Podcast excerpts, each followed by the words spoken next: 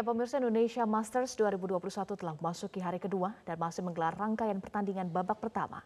Untuk informasi terkini kita sudah ter tersambung dengan reporter Olivia Marbun langsung dari Nusa Dua Bali. Olivia, siapa saja wakil Indonesia yang bertanding hari ini untuk memperebutkan tiket ke-16 besar?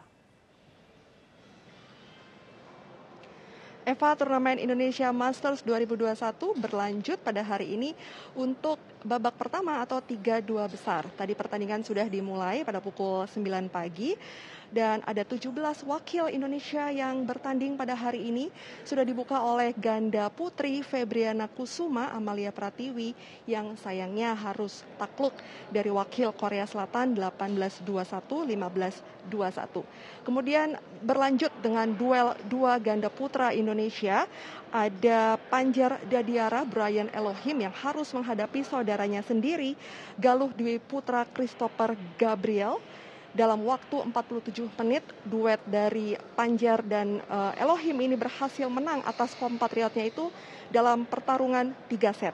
Dan beberapa unggulan Eva hadir juga untuk bertanding pada hari ini nanti pada pukul uh, eh, 13 waktu Indonesia Tengah ada ganda campuran unggulan kedua Praven Jordan dan Melati Daeva. Mereka akan berhadapan untuk pertama kalinya dengan wakil India, ada Dhruv Kapila dan Reddy Siki. Ini adalah pertemuan pertama mereka. Kemudian dua tunggal putra andalan Indonesia dimulai nantinya oleh uh, Jonathan Christie dan ber, berlanjut dengan Anthony Sinisuka Ginting mereka akan menghadapi masing-masing wakil Thailand. Jojo akan menghadapi uh, Sitikom Tamasin, kemudian Anthony Ginting akan menghadapi Rising Star asal Thailand, Kunlafut Fititsan. Masing-masing uh, baik Jojo maupun Ginting baru bertemu pertama kali dengan lawannya itu. Kemudian nanti masih di main court uh, setelah pukul setengah enam itu ada ganda putra senior yaitu Muhammad Ahsan Hendra Setiawan. Mereka akan menghadapi ada wakil dari Perancis kakak beradik yaitu Toma Junior Popov dan juga Tristo Popov. Sementara untuk nomor tunggal putri, Gregory Mariska Tunjung akan menghadapi ujian unggulan 8 asal Jepang, Sayaka Takahashi. Dengan menaati protokol kesehatan yang ketat, banyak warga Amerika Serikat tak hanya terhindar dari COVID selama dua bulan terakhir, tetapi juga penyakit biasa yang juga menular lewat udara seperti influenza. Tapi ahli medis kini mengkhawatirkan flu bisa kembali meluas di tengah belum berakhirnya pandemi COVID-19. Suhu udara semakin dingin saat musim gugur di Amerika Serikat saat ini dan menjelang musim dingin pada Desember – Kegiatan warga pun lebih banyak beralih ke dalam ruangan, meningkatkan risiko tertular berbagai penyakit lewat pernafasan, mulai COVID hingga influenza.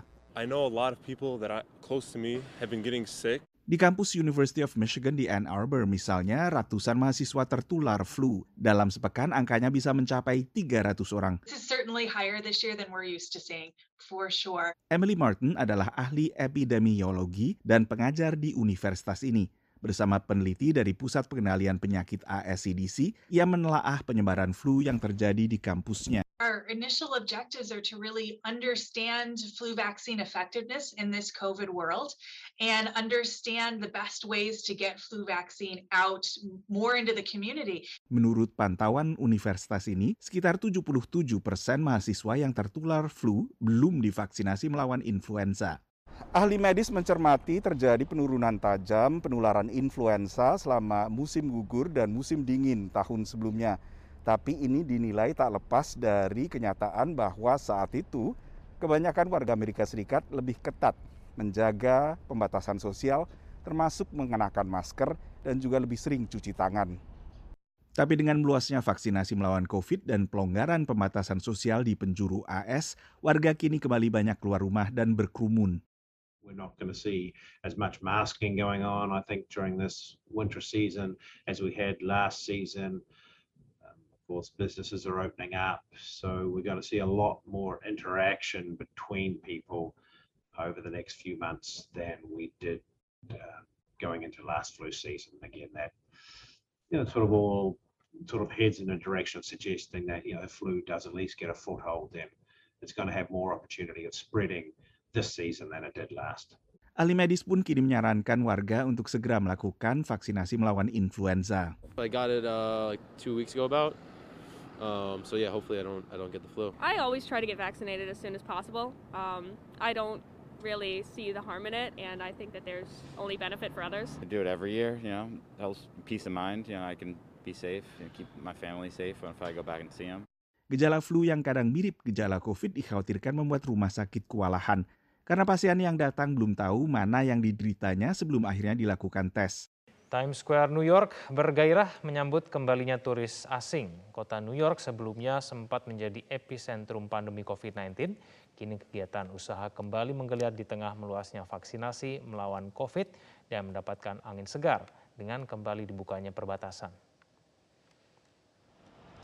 Kawasan Times Square di kota New York kembali diramaikan wisatawan meski tak sesesak sebelum pandemi. When you come to New York, this is what you want to see. So seeing that everything is kind of back to normal, but just a lot safer, and that everyone is behaving, but it's still full of life, and really joyful to be here. Je suis allée dans des restaurants où on demande le pass, même euh, nous français. Euh, à l'aéroport, ça s'est euh, très bien passé. Également, on demande des formalités. Donc euh, oui, on se sent complètement en sécurité. Et on aurait tendance même à oublier tout ce que l'on a vécu. Et du coup, ça fait du bien. Bagi pemilik usaha kecil dan menengah setempat, ada semangat baru dengan telah dibukanya kembali perjalanan internasional pada awal November bagi orang yang telah tervaksinasi penuh. Domestic traveler comes, they stay three days. International travelers, they come for, you know, five to seven days, and then they spend much more money than the domestic traveler would on those days. So it's a, it's a, we welcome them back with open arms. Keluarga David telah mengelola toko souvenir ini sejak didirikan kakeknya pada tahun 1950-an. He's still here. Yeah, we could still uh, we could still see him in, our minds, just you know, pointing out uh, things that they should be a certain way. Sebelum COVID, pada 2019 New York didatangi hampir 67 juta turis asing dan domestik. The economic impact of that was $70 billion, and it represented about 403,000 jobs. We have a long road ahead of us to restore all of that, but I think we're definitely on the road to recovery. And with the return of international travelers, that is going to be so extraordinary in helping us get back to a recovered city. Foreign visitors spend on average four times as much as domestic visitors, so they are very important to the recovery of New York City and the recovery of Times Square. Dua bulan sebelum dibukanya kembali perjalanan internasional, pusat hiburan Broadway, salah satu atraksi utama di kota New York juga memulai kembali pertunjukan. I mean, Broadway is an international venue. People like to come from not only all, all over the country. I sell comedy tickets, believe it or not, before COVID to people from all over Europe, from countries that you won't think that are associated with the English language, but everyone speaks English. Broadway, the theaters are starting to fill up. Hotels, all of our hotels in the five boroughs are starting to fill up. Menurut perkiraan NYC and Company, jumlah wisatawan mancanegara yang bakal ke kota New York selama 2021 ini tak sampai 3 juta orang. Ini jauh lebih sedikit dibandingkan angka 2019 saat jumlah wisatawan mancanegara yang datang ke New York mencapai 13,5 Di musim penghujan, selain kita harus menjaga stamina agar tidak mudah sakit, yang juga perlu diwaspadai juga yakni munculnya penyakit demam berdarah, denggi atau DBD. Ya, di Cimahi, Jawa Barat, kasus DBD dilaporkan terus bertambah. 12 anak-anak meninggal dunia akibat DBD. Dinas Kesehatan Kota Cimahi terus melakukan penyemprotan atau fogging di fasilitas-fasilitas umum dan pemukiman padat penduduk. Menyusul bertambahnya korban jiwa warga yang meninggal dunia sebanyak 12 orang yang didominasi oleh anak-anak. Belasan korban meninggal dunia tersebut tersebar di sejumlah wilayah di kota Cimahi.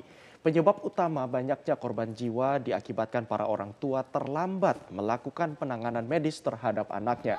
Dinas Kesehatan Kota Cimahi mencatat selama periode bulan Januari hingga November 2021, kasus demam berdarah naik dua kali lipat dibanding tahun sebelumnya.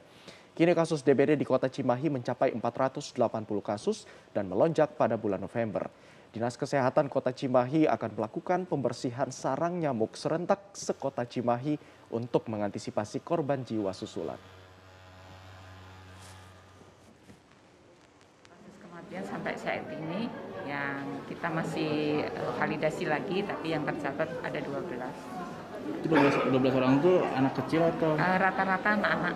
Jadi uh, penyebabnya adalah uh, terlambat merujuk. Jadi sekarang teh rata-rata anak-anak cuman agak anget-anget dikira nggak nggak biasa saja tetapi ternyata setelah dicek uh, dia DBD. Nah, saya menghimbau bagi bapak ibu yang punya putra putri masih anak-anak ya, kali anak-anak itu kan uh, senangnya main ya demam sedikit aja dia nggak merasakan padahal itu sudah Eh, mengarah ke. Jadi secepatnya membawa anaknya ke fasilitas kesehatan. Estate Indonesia meminta pemerintah memperpanjang pemberian insentif pajak pertambahan nilai ditanggung pemerintah atau PPNDTP hingga akhir 2022. Insentif ini dinilai meningkatkan penjualan 30 sampai 50 persen bagi properti ready stock atau siap huni. Insentif pajak pertambahan nilai ditanggung pemerintah atau PPNDTP yang diberikan pemerintah sejak Maret hingga Desember tahun ini berdampak besar pada penjualan properti para pengembang yang memiliki hunian ready stock. Pengembang mengalami peningkatan penjualan 30 hingga 50 persen dari stimulus PPN. Sekjen DPP Rey Amran Nukman mengatakan pengembang yang tidak memiliki stok rumah siap huni sulit untuk mengejar pelunasan dan serah terima di akhir Desember ini agar dapat memanfaatkan insentif PPN DTP. Untuk itu, diharapkan insentif ini dapat diperpanjang. Maka DPP REI sudah berupaya, sedang berupaya, sedang berupaya untuk mendorong pemerintah memperpanjang masa berlaku insentif ini tadi menjadi sampai akhir tahun 2022 sehingga uh, industri properti yang menyerap sekitar 30 juta tenaga kerja produktif, yang menggerakkan 175 industri terkait properti bisa betul-betul menjadi lokomotif bagi bergeraknya uh, perekonomian Sementara sektor perbankan berupaya menyalurkan kredit di sektor properti untuk pemulihan ekonomi nasional. Direktur Consumer and Commercial Lending Bank BTN, Hirwandi Gafar berharap penyertaan modal negara yang telah ditetapkan oleh pemerintah dapat segera terrealisasi untuk mendorong perekonomian di sektor properti. Tentu terkait dengan uh, pendanaan subsidinya yang sekarang uh, lebih didorong ke FLPP, dan tentu juga subsidi lainnya terkait dengan perumahan. Nah, nanti kami akan dorong juga adanya uh, pembayaran premi itu disubsidi oleh pemerintah yang saat ini preminya masuk di dalam hal pembayaran angsuran oleh si MBR. Adanya penambahan modal negara diharapkan perbankan dapat meningkatkan penyaluran KPR subsidi maupun non-subsidi untuk merealisasikan program pemerintah menyediakan satu juta rumah layak huni bagi rakyat.